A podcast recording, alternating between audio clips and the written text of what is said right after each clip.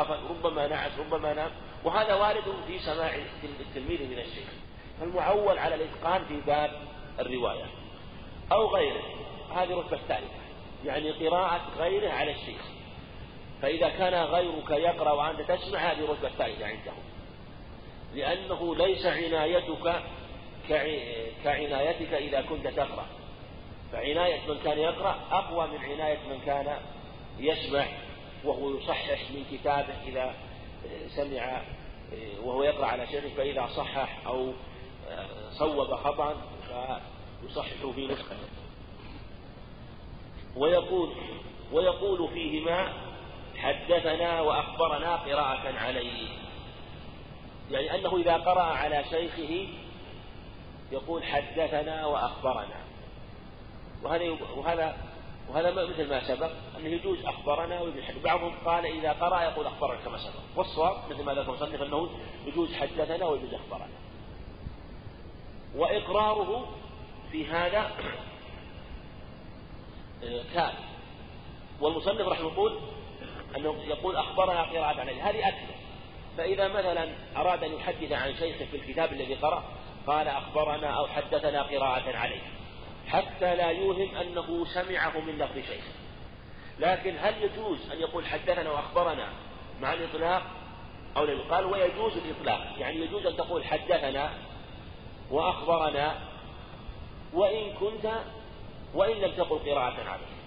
لأن في الحقيقة إقراره وسكوته أو قوله نعم آه، كقراءته عليه في هذه الحالة. ويجوز الإطلاق. وسكوت الشيخ عند قراءة عليه بلا موجب كإقراره فإذا قرأ كتابه على شيخه وهو يسمع بلا موجب يعني إنه ليس غافلا ولا نائما ولا شيء يصرفه عن سماع القراءة هذا يكفي في أنه سمعه منه أو أنه قرأه عليه فيجوز أن يحدث عنه ويقول حدثنا وأخبرنا ولا يشترط من الشيخ أن يقره أن يقول صراحة أن يقول نعم أن يقول بعد في آخر القراءة نعم. لأن سكوته بعد القراءة إقرار. إقرار أن هذا الكتاب من مروياته وأنك أنت ترويه عني ولك أن تحدث وأن تخبر به عني. فالمقصود أنه يجوز أن يقول حدثنا وأخبرنا ولا يشترط أن يقول قراءة عليه ولا يشترط في في نهاية القراءة أن يقول الشيخ أن يقر به صراحة أو أن يقول نعم في نهاية القراءة. والله أعلم. نسكت على نقف على قوله وسكوت الشيخ عند قراءة عليه بلا وجه كإقراره. قولك قال المصنف رحمه الله تعالى ويحرم إبدال ويحرم ويحرم إبدال الشيخ قول حدثنا. الشيخ ولا قول الشيخ؟ قول الشيخ نعم. نعم. ويحرم إبدال قول الشيخ ولا؟ هذا عند الشيخ ويحرم إبدال الشيخ لكن قول الشيخ أحسن. يعني شيخه.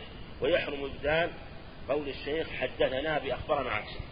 فإذا مثلا روى عن شيخه وكان شيخه يروي في السند يقول أخبرنا فلان قال أخبرنا فلان قال أخبرنا فلان. ثم أنت عندك تروي عن حفظا أو آه، في نسختك رويت عن شيخ قلت قال شيخنا حدثنا فلان وعن شيخك في لفظ إيش قال؟ قال أخبرنا ولا حدثنا؟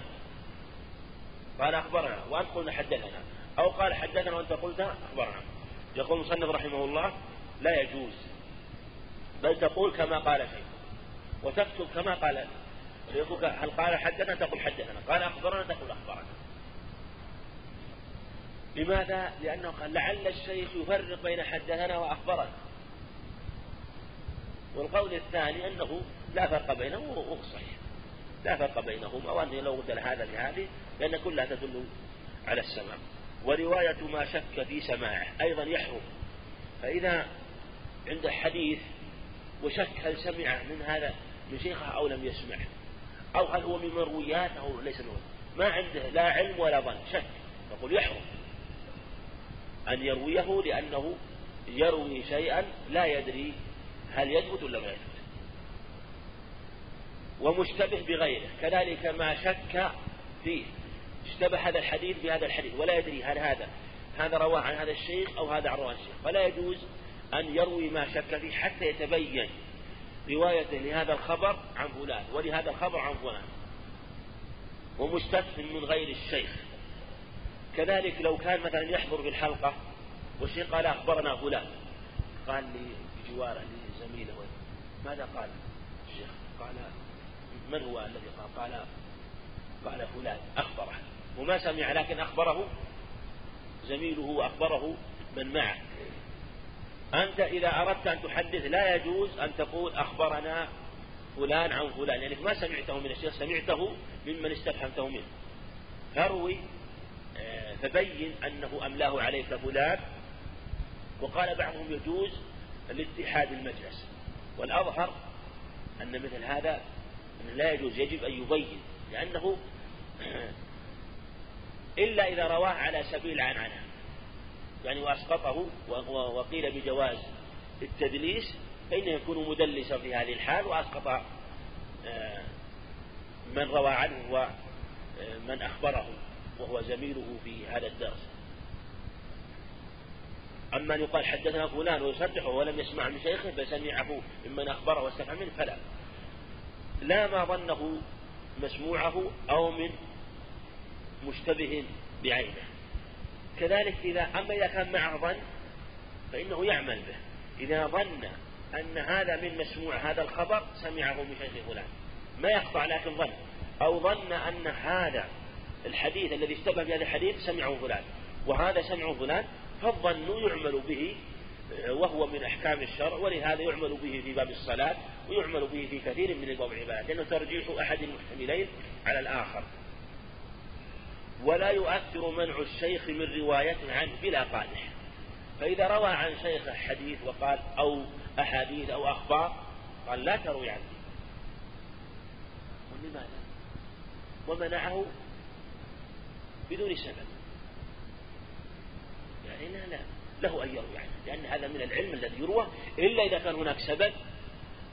واضح من غلط الشيخ في روايته أو أخطأ أو غير ذلك يمتنع. أما إذا كان بلا سبب فلا آه، يروي عنه ولو منعه ولا طاعة له في هذا. قال ثم يعني ثم الدرجة الثانية. سبق معنا أن أعلى الرواية عن الشيخ سماعك من لفظ الشيخ. والدرجة الثانية قراءتك على الشيخ. ثم بين بعض أحكامها.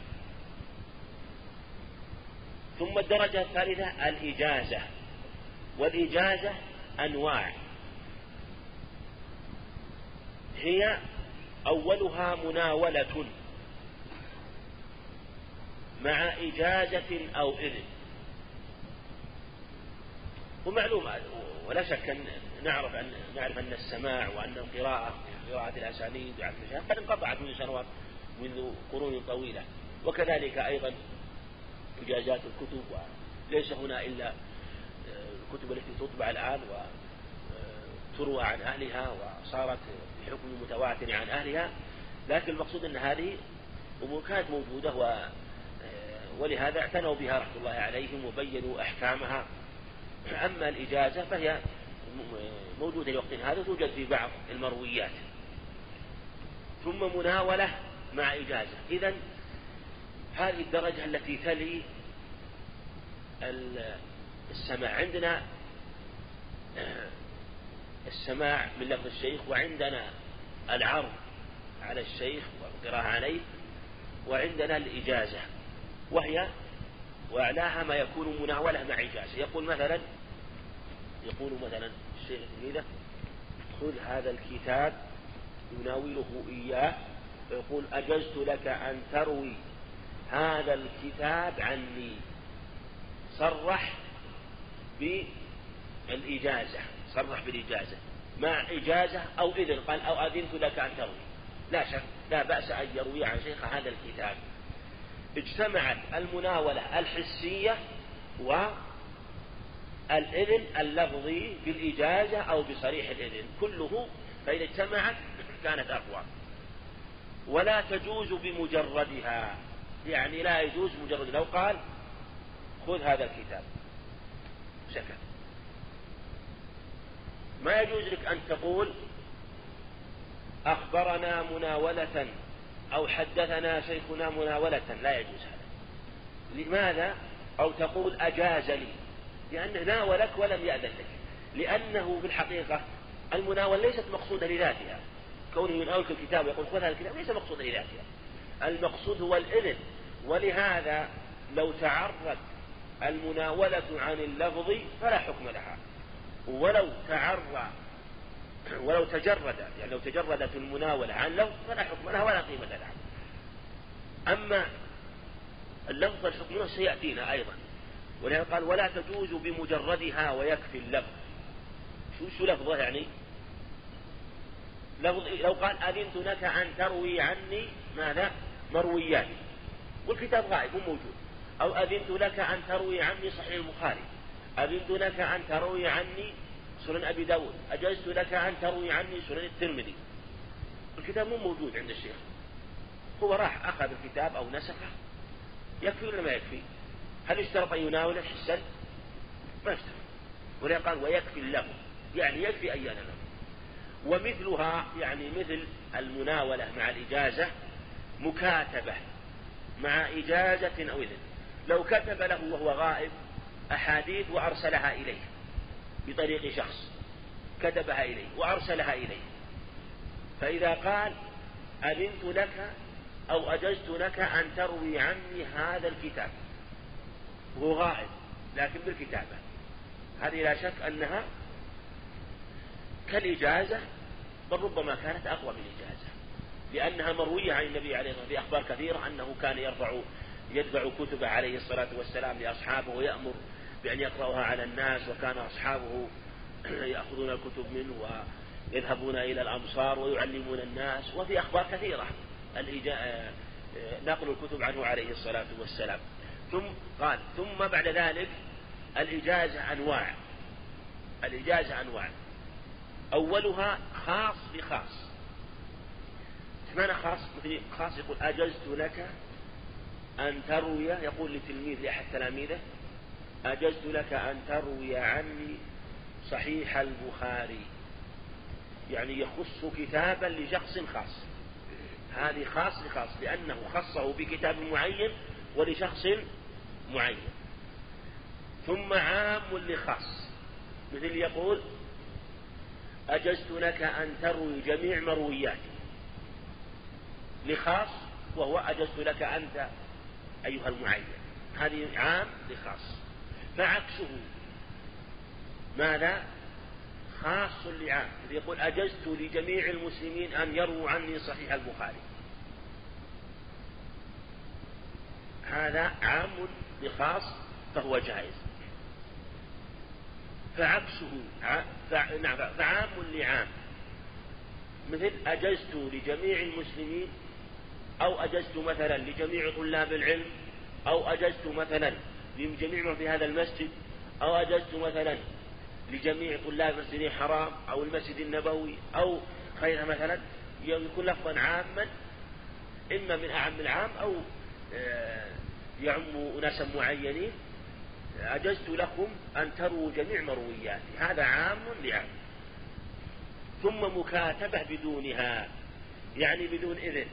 لو أنه كتب له كتابا في أحاديث وأرسله إليه.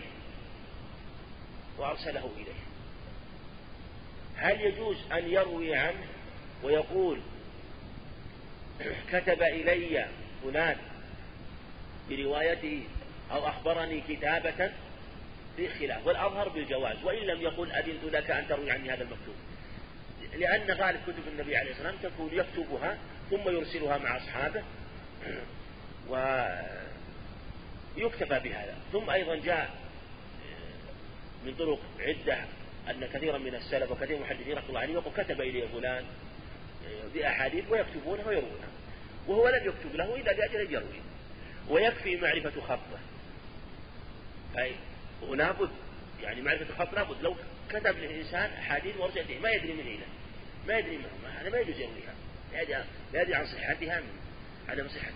فإذا عرف خطه ثم أيضا شرط ثاني لا بد منه وثقة الناقل. لكن إذا معرفة الخط آه، إذا كان عرف خطه ويميز يكفي هذا. وإذا كان لم يعرف خطه إذا كان لم يعرف خطه ونقل إليه من طريق ناقل ثقة وقال كتب إليك فلان بهذا والناقل ثقة يكفي أيضا. ولا يشترط أن يشهد شاهدين كما قال بعضهم يشهد شاهدين وأنهم يشهدان أنه كتب هذا الكتاب وأرسله إليك. لا.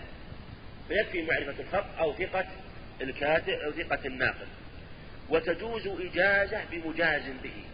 لو أن الذي أجيز وهو تلميذ الشيخ الذي أجازه أجاز لمن؟ لتلاميذه. وهو هكذا تلاميذه أجاز لتلاميذه. آه، كله جائز. ولطفل يجوز أن يقول أجزت لفلان. وهكذا كان السلف يحضرون الأطفال وكانوا يجوزونهم يكتبونهم في السماع. فيسجلونهم فيقولون من حضر. ويقول بعضهم أجزت لجميع من حضر. ويكون معهم الأطفال والصغار والكبار. وربما كان معهم من يعقل ومن لا يعقل. ولهذا قال ومجنون. لو كان مجنون الطفل يكبر ويعقل ويبلغ وينمو عقله. والمجنون إذا أفاق يستفيد ويقول قد أجاز لك فلان فيستفيد الرواية. فإذا فات الموت يقول الحمد لله قد أجاز لك فلان. والغائب إذا كان معين فإذا حضر يقول أجاز لك فلان يعني غائب معين معروف يعني غائب. والكافر كذلك. وإذا أسلم فإنه يروي هذه الأخبار لا لمعدوم مطلقا. ما يجوز يقول أجزت مثلا لولدك. مطلق يعني أصالة أو تبعية. يعني لا يجوز مثلا يقول أجزت مثلا لولدك وكولد الذي سيولد. أو يقول أجزت لك ولولدك أو لمن سيولد لك. الأول خصه أصالة الولد الذي سيولد. والثاني تبع بالتبع أجزت لك ولمن سيولد لك. فقول المصنف مطلقا يعني لا أصالة ولا تبعية. لا يجوز. هذا قول المصنف رحمه الله. قال ومجهول. أجزت لبعض الناس أو لبعض الحاضرين. يعني أو يعني لا يعلم. وبعضهم أجازها لأنه لا محذور فيها. وبمجهول أجزت له مثلا ببعض مرويات ما وما لم يتحمله ليرويه عنه إذا تحمله. كذلك لو قال أجزت لك ما سأروي عن شيخي فلان. أو ما سأحدث به آه، بعد ذلك. لأنه لم يتحمل الآن فإذا كان لم يتحمل لا يصح أن يجيز به. ويقول أجاز لي ويجوز حدثني. وأخبرني إجازة لا إطلاقها لا إطلاقهما فيهن إذا الآن إذا أجاز الشيخ تلميذه ما الطريقة في إذا أراد الرواية الطريقة له إما أن يقول أجاز لي فلان شيخ فلان عن هذا الحديث أو هذا الكتاب. فإذا أراد أن يقول أجاز لي إذا قال أجاز انتهى واضح. أو يقول حدثني إجازة أو أخبرني. ما يجوز يقول حدثني ويطلق أو أخبرني يطلق. يعني يوهم السماع. وبعضهم أجازه. وهو قول مالك والزهري لكن قول الجمهور وهو الصواب أنه لا بد أن يقيدها أن يقيد بالإجازة يقول أجاز أجا حدثني إجازة وأخبرني إجازة. ولا تجوز رواية بوصية بكتبه. فلو أوصى بكتبه لفلان ما يجوز مثلا يقول مثلا أخبرني فلان بكتبه؟ ما يجوز لأن يعني هذه وصية بل يقول وجدتها أو لا أو وجدت بخطه لأن إذا أوصى به يوهم أنه إذا قال ذلك أنه سمع منه أو أنه أخبره بها ولا بوجادة. يعني لا يجوز أيضا أن إذا وجد مثلا كتابا لأحد مشايخه رواه وما أجازه أجازه به. فلا يقول أجاز لي مثلا أو أخبرني إجازة أو حدثني إجازة. لا. بل يقول وجدت بخطه أو وجدت في كتابه. شيء يوضح المقصود. يعني لا بأس. إذا قال وجدت بخطي لأن هذه وجادة والوجادة يجوز الرواية بها. وليس هنالك طريق في الرواية مثل الآن إلا من طريقها من الكتب التي توجد وتروى عن أصحابه وهي وجدانه الشيء بخط الشيخ ويقول وجدت بخط فلان.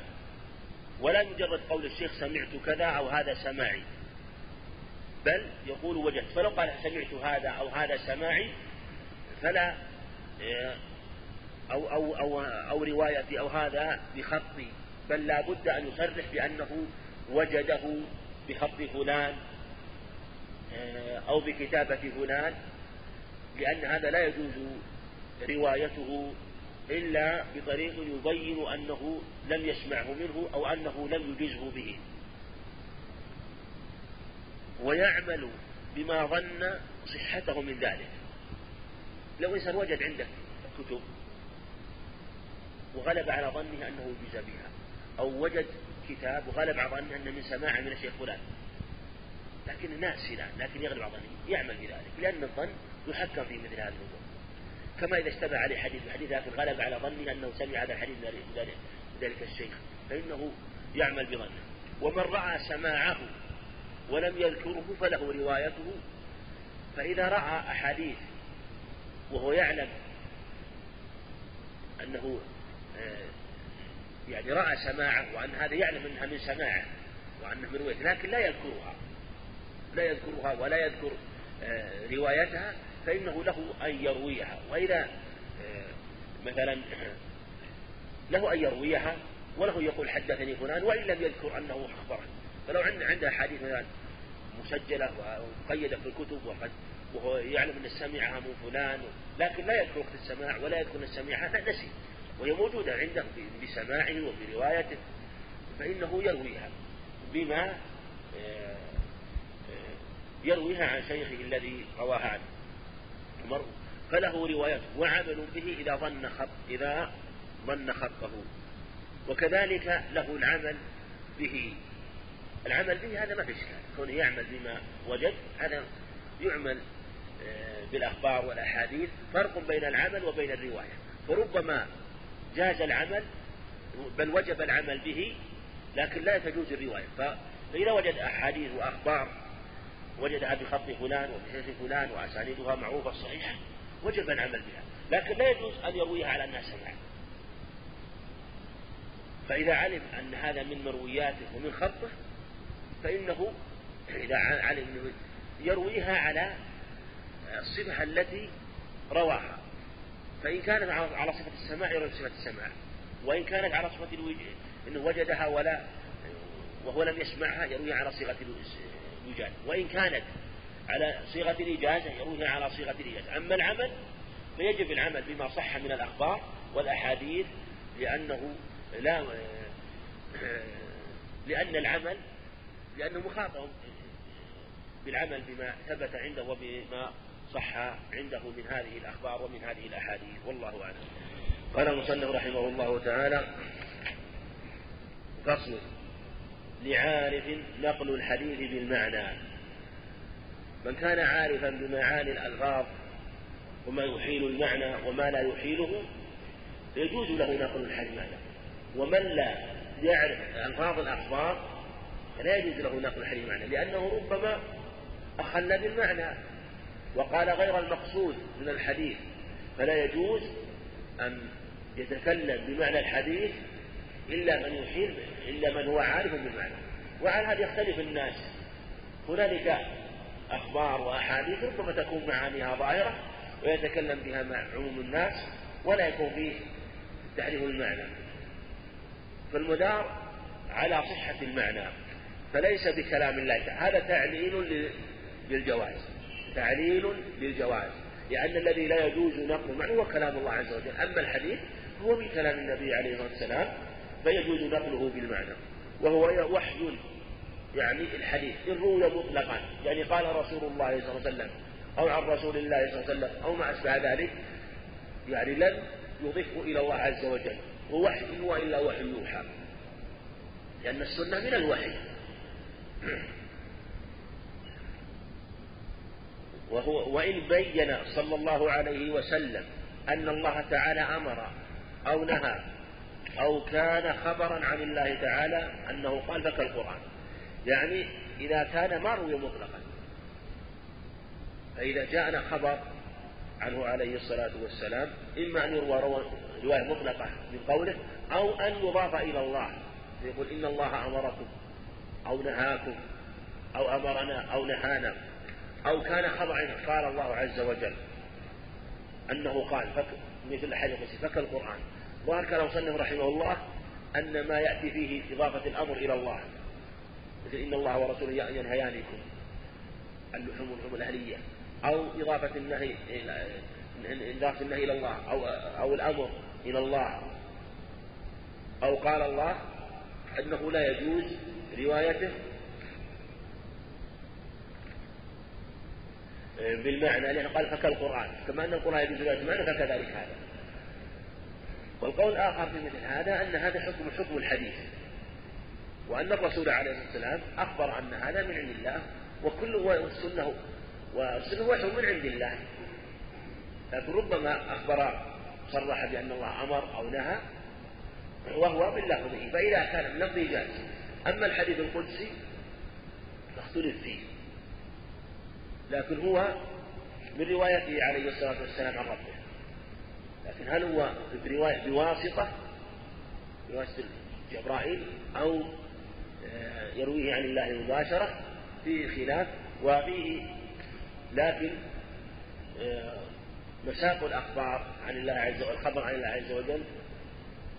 آه، أن يقول عليه الصلاة والسلام قال الله عز وجل. هذا فيه إضافة إلى الله عز وجل. وكثير من العلم يقول إن حكم حكم الأخبار والأحاديث لأنه وإن قيل إنه إن الله تكلم به لكن كلام الله إما أن يكون معجزا وهو القرآن بلفظه ومعناه أو أن يكون غير معجز وهو ما يكون من الأحاديث القدسية وهل هو من كلامه أو أنه معناه آه، أنه معناه منه عز وجل. ولفظه من النبي عليه الصلاة والسلام فعلى هذا يجوز روايته كما تروى الأخبار الأخرى عنه عليه الصلاة والسلام. وجائز إبدال الرسول بالنبي وعكسه. يعني فلو قال قال رسول الله صلى الله عليه وسلم أو قال أو قال النبي صلى الله عليه وسلم فلا بأس.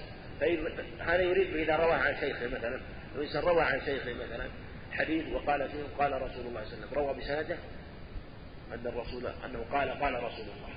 فهو قال قال النبي صلى الله عليه وسلم.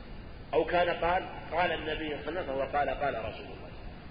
هذا لا بأس يجوز إبدال الرسول بالنبي والنبي بالرسول ولا حجر ولا, ولا حجر في ذلك. لا تغيير الكتب المصنفة. فإذا كان في كتاب مصنف فلا تغير لأن تغييرها تغيير لألفاظ أصحابه لأن أصحاب هكذا رواها وهكذا ذكروها فإذا كان في الكتاب قال رسول الله صلى الله عليه وسلم فتقول قال رسول الله لأن من الأمانة في النقل. وإذا قال قال النبي صلى الله عليه وسلم تقول قال النبي صلى الله عليه وسلم. لأنه هكذا روى وهكذا ذكره عن مشايخه فأنت لا تغير وهذا نص عليه. جو من العلم نص عليه في المصطلح أن الكتب المصنفة لا تغير عما هي عليه. بل آه، تذكر كما هي حتى في هذا اللفظ وإن كان المعنى واحد. أو ولو كذب أو غلط أصل فرعا لم يعمل به وهو مع العدد فلو أن الشيخ كذب تلميذه قال هذا الحديث كذب عليه كذبت عليه به أو أنت. أو غلط فإذا. فإذا كذبه أو غلطه في هذه الحال لا يعمل به ولا ي... لم يعمل به لأنه نجزم بأن أحدهما غالب أو كاذب غالب أن أحدهما غالب ولا لا نقول لكن كذب لا يجب أن يكون كاذبا لكن ما دام جزم بكذبه أو بغلطه فلا ندري وشككنا بصحة الخبر من جهة جزمه فهذا لا يعمل به لأنه آه، هو لو قال مثلا هذا الخبر أنت غلطان أو هذا أو هذا غلط علي أو أنا غلطت فيه أو هذا غلط علي هو الأصل في هذا والمرجع إليه في مثل هذا فإنه يعمل بكلامه ولا ولا يعمل آه، بهذا الخبر الذي روي.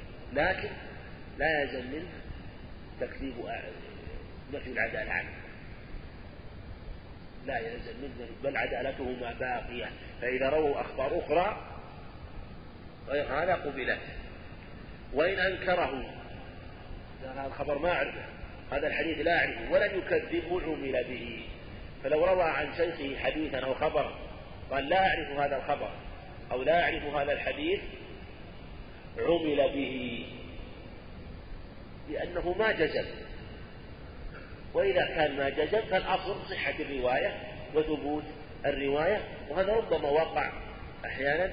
فكان ربيعة بن أبي عبد الرحمن يروي عن سهيل بن أبي صالح أنه روى عنه. في حديث قال حدثني سهيل أني حدثته. فكان يروي عنه أنه روى عنه لأنه نسي بعد ذلك فكان يروي عنه. فلا يلزم من نسيانه أو إنكاره أن يكون الخبر غير صحيح. وتقبل زيادة ثقة ضابط لفظا أو معنى. فإذا زاد الثقة في الحديث زيادة لفظية أو معنوية يعني تقبل. مثلا في قوله عليه الصلاة والسلام في الحديث أنه إذا رفع من الركوع قال الله ربنا لك الحمد ربنا لك الحمد. بعضهم زاد اللهم ربنا ولك الحمد. هي زيادة من جهة اللفظ وفيها زيادة في الذكر من جهة أنه يثاب عليها. لكن المعنى واحد المعنى واحد آه، من جهة التنزيه آه، ومن جهة الثناء الله عز وجل. فتقبل فلو روى أحدهما ربنا لك الحمد وزاد قال اللهم ربنا ولك الحمد وهكذا في الأخبار الأخرى التي تروى في الأذكار وغيرها تقبل زيادة الثقة. الضابط إذا كان ثقة وسيأتي في زيادة التفصيل أو معنى إذا كانت الزيادة فيها زيادة معنى تقبل. لا فرق حتى مثل أنه نهى عن الثنيا نهى عن في بعض لفظها نهى في لفظ صحيح نهى عن الدنيا إلا أن تعلم. إلا أن تعلم. هذا زيادة في اللفظ وهي زيادة في المعنى. قيدها وبين أن المستثنى المنهي عنه أن لم ينهى عن جميع الدنيا بل ظاهر اللفظ الأول أن نهى عن من باع شيئا واستثنى شيئا لا يجوز. مطلقا علم أو جهل واللفظ الثاني يبين أنه منهي عن الدنيا إذا كانت مجهولة. بعتك هذا النخل إلا نخلات. بعتك هذا البيت إلا جزءا يسيرا. بعتك هذا الطعام إلا شيئا منه. ما بين. أما إذا بين وعلم في الدنيا فهو جائز. فإذا كانت الزيادة لفظية أو معنوية فلا بأس. إن تعدد المجلس قيدها بتعدد المجلس. فإذا كان ثقة ضابط روى عن شيخه حديث وزاد فيه. وبعض وزملاؤه الآخرون قالوا ما سمعنا بهذه الزيادة. قال نعم أنا سمعتها في المجلس الفلاني وأنتم ما حضر في مجلس آخر لم تحضروه. فهذه تقبل ما في شيء إذا تعدد المجلس لأنه ربما حدث الشيخ في مجلس بحديث واختصر على بعضه وزاد في مجلس آخر شيئا آخر. وهذا يقع في الروايات بل يقع الصحابة ولهذا في الحديث الصحيحين. في قصة ذلك الرجل الذي الآخر يدخل الجنة وكان أبو هريرة يحدث وأبو سعيد يستمع. فقال قال الله عز وجل إن لك ذلك إن لك الدنيا ومثلها أو لك ذلك ومثله. وأبو سعيد ساكت. فلما قضى قال أبو سعيد سمعته سمعت النبي يقول إن لك ذلك وعشرة أمثاله قال أبو قال أبو ما سمعته إلا مرة واحدة. وهو من الصحابة مقبول بإجماع أهل العلم. فكذلك من غيره إذا تعدت المجالس فإنه أيضا يقبل. أو اتحد يعني قيد. يعني أنه يقبل باتحاد المجلس لكن بشروط. إذا تعدد المجالس قبل بلا شروط. لكن الشرط يكون ثقة ضابطة. إذا إذا اتحد المجلس يقبل بشرط وتصورت غفلة من فيه عادة. إذا كان في بعضهم غافل وعلم أن بعضهم يغفل لكثرة مثلا من فيه أو وجود لغط أو أصوات أو ما أشبه ذلك تبين من المجلس أن فيه غفلة وأن ربما أن بعضهم نام أو ما أو غير ذلك مما يبين أن بعضهم آه، شيء لم يضبطه الآخر. فإذا دلت القرائن على وجود غفلة من نوم أو ضوضاء أو صوت يمنع وصول الخبر بكماله تقبل الزيادة. أو جهل الحال. إذا جهل الحال ما ندري فالأصل صحة الزيادة التي رواها الثقة الضابط. وإن خالفت المزيد تعارضا فيطلب مرجح. إذا هذه إذا الزيادة على قسمين. زيادة تكون غير مخالفة وزيادة تكون مخالفة. الزيادة التي تكون غير مخالفة بما سبق. على التفصيل ذكره والزيادة إذا كانت مخالفة إذا كانت مخالفة وكل منهم عدل ضابط لكن تخالف يطلب مرجح. إذا روي الحديث روى فلان وروى فلان وأحدهم زاد زيادة لم يجدها الآخر ننظر في الزيادة في إحدى الزيادتين. فإذا كان أحدهم مثلا روى معه أناس آخرون أكثر من ذلك أو كان الذي لم يروي زيادة ثقة ضابط متقن وذاك أخف منه ضبط أو غير ذلك من المرجحات فإن هذا يرجح به إحدى الزيادتين عن الأخرى. هذا هو مجمل كلامه في الزيادة. ومما ينبغي يعلم أن الزيادة الزيادة في الحديث ذكرها العلماء وتكلموا عليها بالمصطلح وفيها خلاف كثير. ومحصل القول فيها في الزيادة والأظهر فيها أن أنه لا يقال إن الزيادة تقبل مطلقا ولا ترد مطلقا.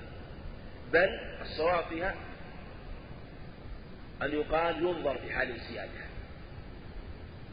فالذي ذكره مصنف رحمه الله هو كلام الأصوليين. ما ذكره من التفصيل هذا هو ما ذكره من كلام الأصول غالب من كلام الأصوليين.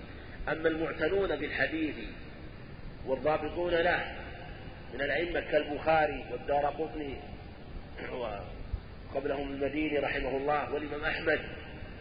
على ذلك جرى كثير من المحققين المتأخرين وعليه يجري كلام كثير من حفاظ الحديث ونقاده والفقهاء فيه كالحافظ ابن حجر وقبله وقبله شيخ الإسلام ابن تيمية رحمه الله وابن القيم وابن رجب رحمة الله عليه هؤلاء تابعوا أئمة الحديث وحفاظ الحديث ونقاده كالبخاري واعتنى بهذا رحمه الله وهو أنه لا يحكم على بالزيادة بحكم عام بل ترد في موضع وتقبل في موضع.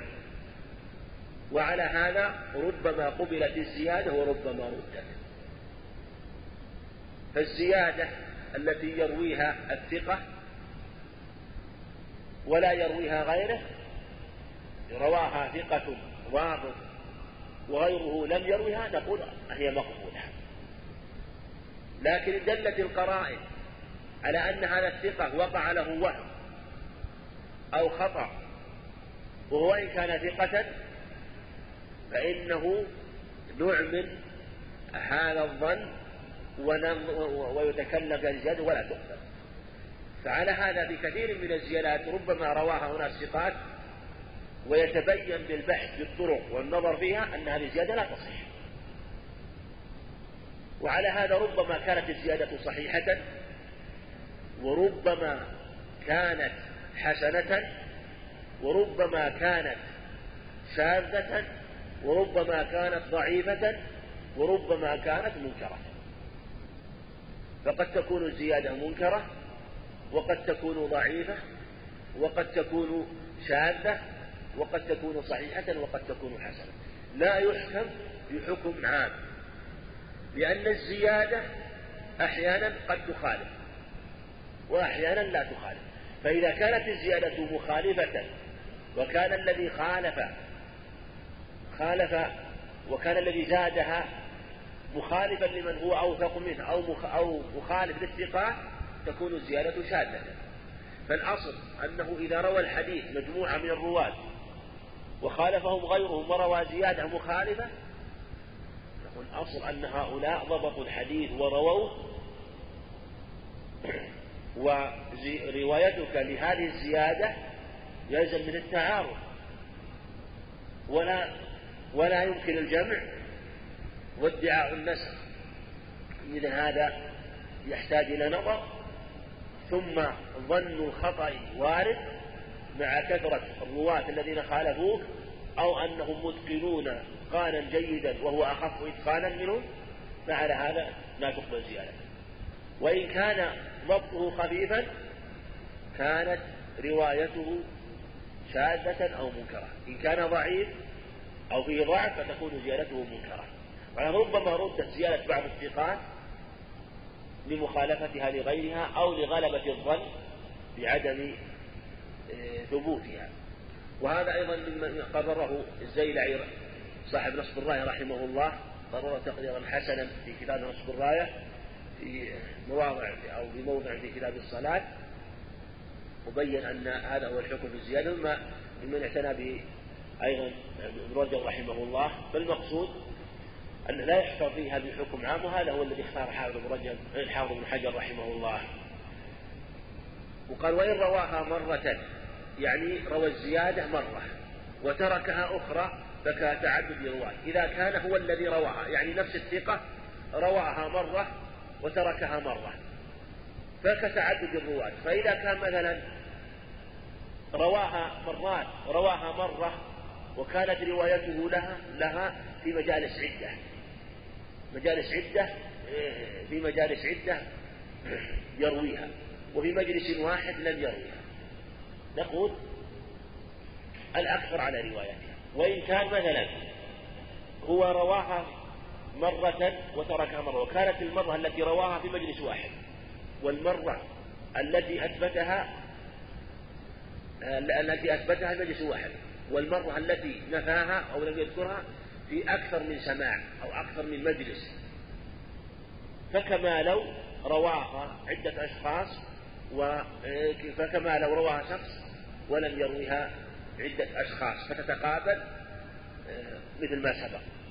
فإذا أثبتها قوم و فإذا أثبتها شخص ونفاها ونفاها آخرون فكذلك مثل ما لو رواها في مجلس ولم يروها في مجالس عدة. وإن أسند أو وصل أو رفع ما أرسل يعني أسند ما أرسله إذا كان التابعي إذا كان الراوي أسند الحديث وكان قد قال قال مجاهد قال النبي صلى الله عليه وسلم. فقال مثلا رواه قال مجاهد آه، عن آه، عن مجاهد عن ابن عباس عن النبي صلى الله عليه وسلم. أسنده إلى النبي عليه الصلاة والسلام. يعني أسند حديثا هو نفس الراوي. إذا كان رواه تارة مرسلا عن التابعي وتارة ذكر الصحابي عن النبي عليه الصلاة والسلام. أو وصل آه، ما قطعه يعني ذكر الحديث مقطوعا من كلام التابعي. وذكره بذكر الصحابي عن النبي عليه الصلاة والسلام. وصله أو رفع ما وقف وقال قال أبو هريرة. قال أبو هريرة. مثلا أو قال ابن عمر. فإنه إذا روى مرة قال قال النبي صلى الله عليه وسلم رفعه. ما الحكم؟ قبل مطلقا. إذا كان نفس الراوي مثلا في الحديث روى الحديث قال قال ابن قال مجاهد قال صلى الله عليه وسلم. وقال مرة قال مجاهد قال ابن عباس قال النبي صلى الله عليه وسلم. قلنا أنت رويته لنا مرسل ما ذكرت ابن عباس.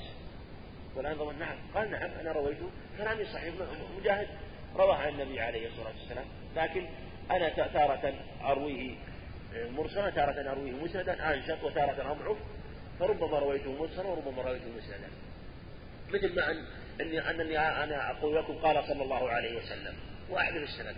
وأحيانا أذكر لكم السند كاملا. أذكر لكم مثل لو مثلا روى مالك قال قال صلى الله عليه وسلم قال قال حدثنا الزهري عن سالم عن أبيه عن ابن عمر عن النبي صلى الله عليه وسلم. وتارة قال عن مالك قال عن الزهري عن نافع عن النبي صلى الله عليه وسلم. تارة قال عن نافع عن ابن عمر عن النبي صلى الله عليه وسلم. فيقول هو أنا تارة أرويه واحد من السند وتارة أذكر بعض السند وتارة أذكره مسند وتارة أذكره مسند فإذا رواه مسندا تارة مرسلا تارة ومسندا تارة فإنه يقبل. أو تارة مقطوعة وتارة موصولا. أو تارة موقوفا وتارة مرفوعا. فإذا قال قال مالك قال ابن عباس وتارة آه، آه، أسنده إلى النبي عليه الصلاة والسلام. يعني المقصود من هذا أنه يقبل ما ذكره الراوي وما يعني أسنده تارة وأرسله أخرى نفس الراوي. وأنه لا يعارض الإرس... لا يعارض الإرسال الإسناد. ولا القطع الوصف ولا الوقف الرابع لا تعارض بينه إذا كان من راو واحد إذا كان من راو واحد وإن كان غيره يعني إن كان الذي أسند راوي والذي أرسل راوي كان الحديث من طريقين. عن سالم عن النبي صلى الله عليه وسلم وفي رواية عن سالم عن ابن عمر عن النبي صلى الله عليه وسلم.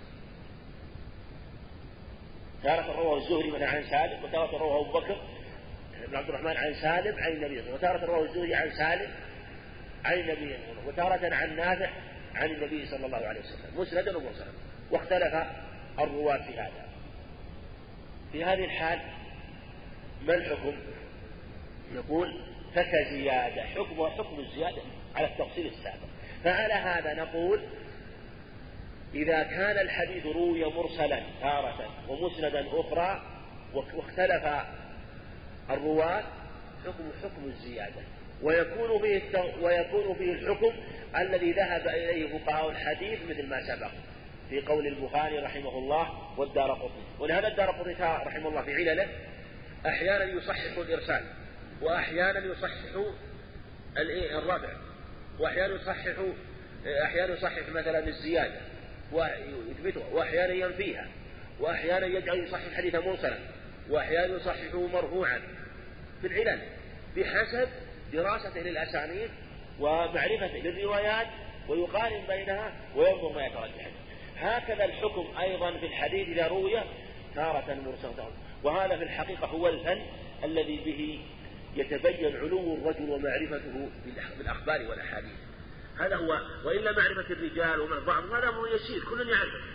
لكن الشأن في من يعرف ويميز بين الأخبار المسندة إذا جاءت تارة مسندة وتارة مرسلة وتارة موصولة وتارة مقطوعة وتارة مرفوعة وتارة موقوفة. إذا جاء الإنسان أو الباحث أو الدارس ودرسها دراسة وأثبت لنا بالنقل أن الحديث لا يصح إلا مرسلا أو أثبت لنا بالنقل أن الحديث لا يصح يصح مسندا أو يصح مرفوعا أو لا يصح إلا موقوفا. وهكذا. هذا هو هو الفن. هو, هو الذي يتميز